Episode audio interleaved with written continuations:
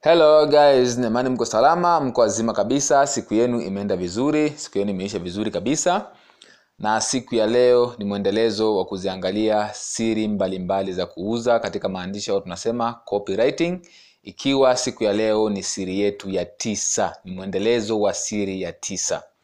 Siri hii bana ni muhimu sana sana. Inaitwa uh, psychology of pricing. Psychology of pricing yani saikolojia ya kuweka bei saikolojia ya uwekaji wa bei ya bidhaa ama huduma yako wenye ushawishi mkubwa kwa wateja. Narudia tena siri ya tisa itazungumzia saikolojia ya uwekaji au upangaji wa bei juu ya bidhaa ama huduma zako kwa wateja wako. Na staili ipi ya kupanga bei ambayo ina, ina mwitiko mkubwa kwa wateja kuliko um, staili nyingine ya upangaji wa bei. Najua hapa utashangaa sana lakini ndio ukweli ambao ukiutumia utakusaidia kuboost sana mauzo yako na vile vile kujitenga na ushindani hata kama mnauza bidhaa zinazofanana. Ni muhimu sana hii na hapa ndipo biashara nyingi, nyingi sana zinapishana katika mauzo kwa sababu anayeuza zaidi ni anayejua saikolojia ya bei. Ya kupanga bei ya bidhaa ama huduma yako haijalishi bidhaa yako inafanana na bidhaa ya, ya mtu gani lakini ukijua saikolojia hii itakusaidia sana okay sasa iko hivi.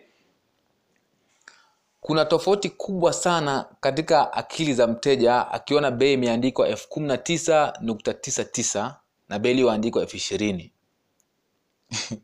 You see kuna tofauti kubwa sana katika akili ya mteja kwenye bidhaa iliyoandikwa elfu kumi na tisa nukta tisa tisa au elfu kumi na tisa nukta tisa nane na bidhaa iliyoandikwa elfu ishirini kumbuka tofauti yake ni, ni, ni, ni, ni ziro nukta, nukta, nukta moja tu.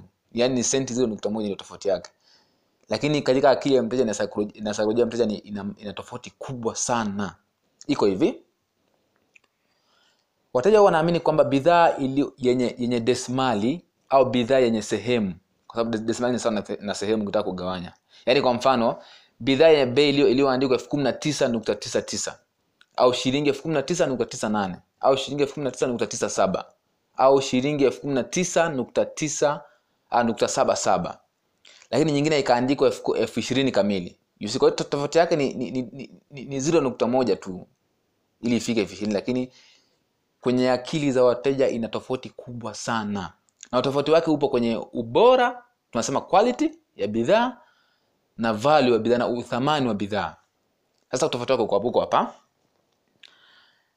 bidhaa ikiandikwa elfu kumi na tisa au shilingi elfu kumi na tisa nukta tisa tisa au nukta tisa nane kwenye akili za wateja inamaanisha kwamba hiyo bidhaa ina uh, tunasema hiyo bidhaa uh, ina, ina, ina, ina, ina thamani kubwa kuliko bidhaa iliyoandikwa elfu ishirini.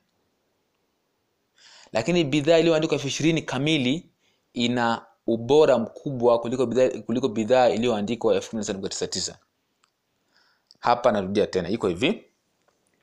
Ukiona bidhaa imeandikwa labda elfu kumi na tisa nukta tisa tisa au elfu kumi na tisa nukta saba saba au elfu sabini na tisa nukta tisa tisa. Mteja anajua kwamba hii bidhaa ina thamani kubwa kuliko bidhaa iliyoandikwa elfu themanini. Elfu sabini na tisa nukta tisa na elfu themanini ni kitu kidogo sana tofauti yake ni, ni, ni ziro nukta moja tu. Lakini kwenye akili ya mteja hiyo ina tofauti tofauti kabisa tunasema kwamba mteja akiona bidhaa yenye bei yenye desimali huwa naamini ina, ina, ina thamani kubwa kuliko bidhaa ambayo ina, ina, ina, ina namba kamili. Na vile vile mteja anaamini kwamba bidhaa yenye namba kamili kwa mfano elfu ishirini ina, ina, ina, ina ubora mkubwa kuliko bidhaa yenye desimali kwa mfano elfu tisa. Kwa hiyo kuna tofauti kati ya, kati ya ubora wa bidhaa na uthamani wa bidhaa katika kupanga bei.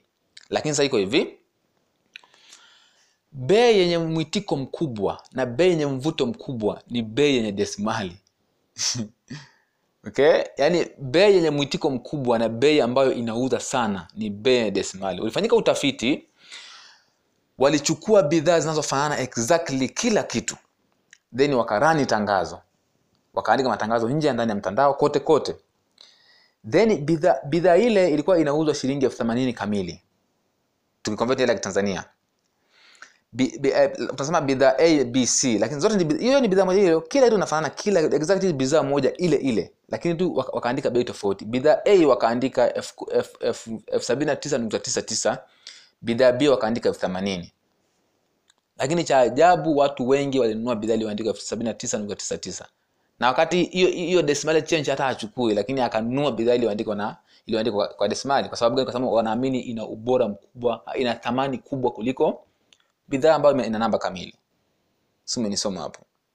Kwa hiyo basi mbinu hii inatumika sana kwenye ushindani hasa hasa. Kama wewe na mshindani wako mnauza bidhaa zinazofanana na bei ya bidhaa hiyo ni shilingi elfu ishirini wewe bidhaa yako iandike elfu kumi na tisa nukta tisa tisa. Yeye ameandika elfu ishirini lakini wateja watakuja kununua kwako japokuwa bidhaa zile zile lakini mteja atakuja kununua hii hapa yenye desimali you see wateja huwa wana, wana utaratibu wa kuangalia namba za kulia tu za, za kushoto hizi za desimali waga hawaangalii. Kwa hiyo ilivyoandikwa elfu moja nukta tisa tisa yeye anaamini elfu kumi na tisa tu. Hii kuwa ana ignore. Na, na wakati hata change hatachukua lakini ataamini kwamba hii ni rahisi kuliko hii. Si umenisoma.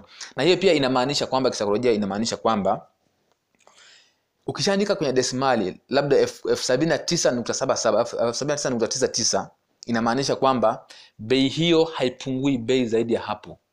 Yaani bei hiyo haiwezi haiwezi kupungua zaidi. Yaani umechukua bei yaani umechukua bei ndogo kuliko zote na umeishia hapo. Kwamba hiyo hairuhusiwi kupunguza hata shilingi kumi. Lakini bidhaa inauzwa shilingi elfu ishirini mteja anajua hii nayo nikapunguziwa ikafika pa elfu kumi na nane. Si umenisoma. Hii ndio kisaikolojia ya wateja inasomeka ina, ina, ina, au au ina- inatafsirika hivyo. Kwa hiyo ukitaka mteja asikusumbue bei na kufundisha hii weka bi- bidhaa kwenye, kwenye, kwenye, kwenye mfumo wa desimali yaani kama unauza shilingi shilingi elfu sitini andika elfu hamsini na tisa nukta tisa tisa badala ya kuandika elfu sitini. Mteja hata kuja kusema nipunguze bei kwa sababu anaamini kwamba hiyo ndio bei yako ya mwisho ndogo kuliko zote ambao ume, umejaribu kupunguza na umeishia hapo. Okay? Kwa hiyo tumia saikolojia hii. Ni muhimu sana hii. Yani guys this hii vitu bana i don't know. Lakini uh, niombe kwamba hivi vitu vya msingi sana. Ukivitumia utaona uto- utofauti mkubwa kwenye soko lako. Ni vitu vya muhimu sana sana sana.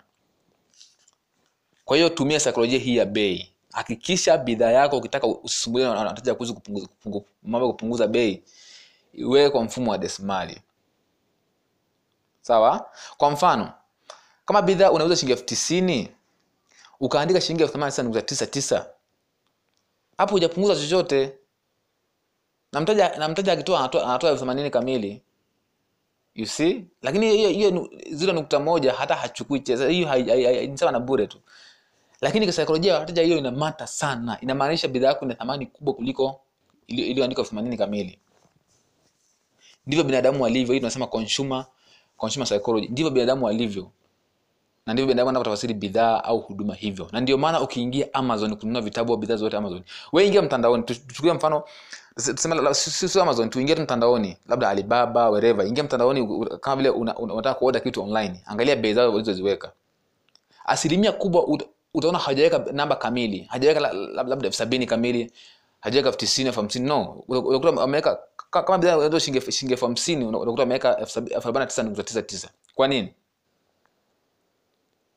you see? Kwa hiyo utaona saikolojia ya wateja inavyofanya kazi kwenye kupanga bei. Kwa hiyo ndivyo hivyo inakuwa hivyo. Kwa hiyo jitahidi kutumia hiyo itakusaidia sana. Kama kutakuwa na swali basi mtauliza. Asanteni sana